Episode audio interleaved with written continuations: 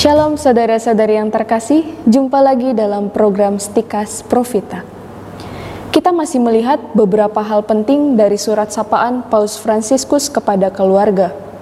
Salah satu yang diingatkan Paus adalah tugas keluarga, bapak dan ibu sebagai pendidik bagi anak-anak. Mengapa Paus mengingatkan hal ini?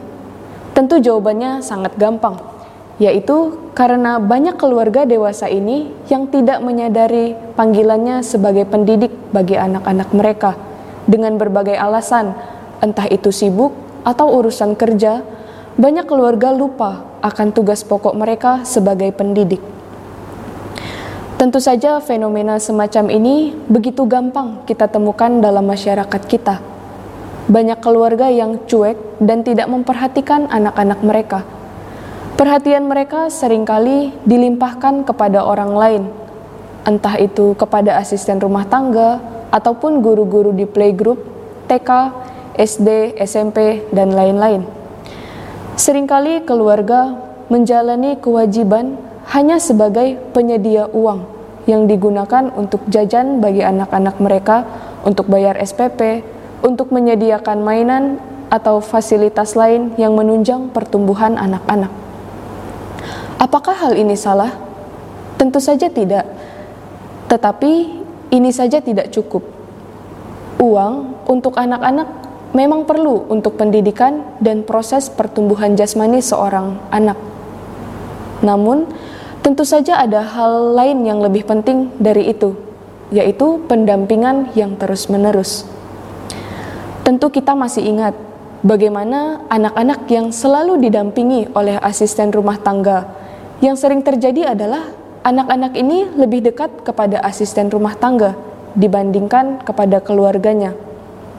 Kita selalu punya alasan yang sama, yaitu sibuk. Maka, Paus Fransiskus menekankan kepada keluarga Katolik modern akan pentingnya kehadiran orang tua. Kehadiran tidak bisa diwakilkan kepada orang lain, Paus menyadari hal ini sebagai hal yang sulit. Ini bukan tugas yang mudah, karena butuh pengorbanan sisi-sisi lain dari kehidupan kita. Tetapi itulah bentuk cinta dari orang tua kepada buah hati mereka.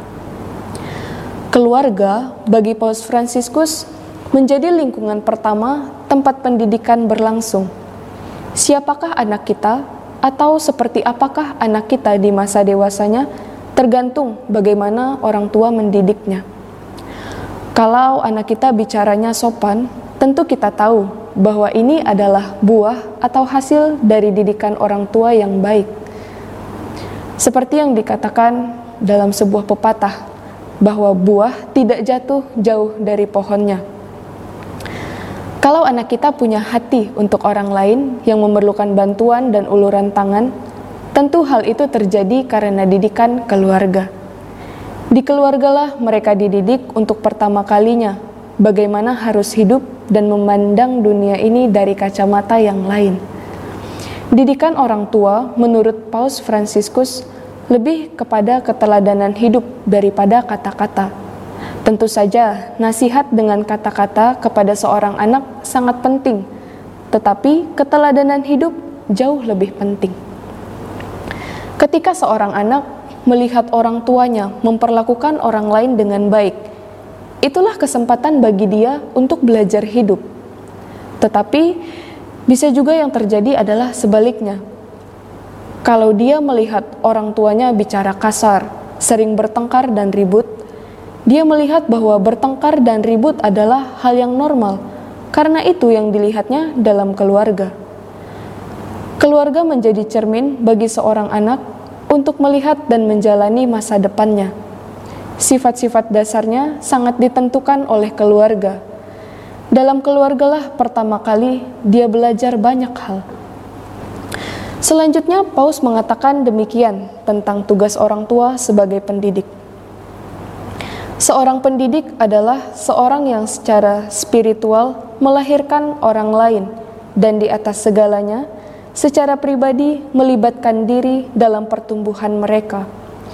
Sebagai seorang ayah dan ibu, pentinglah untuk berhubungan dengan anak-anak dalam kewibawaan yang tumbuh dari hari ke hari.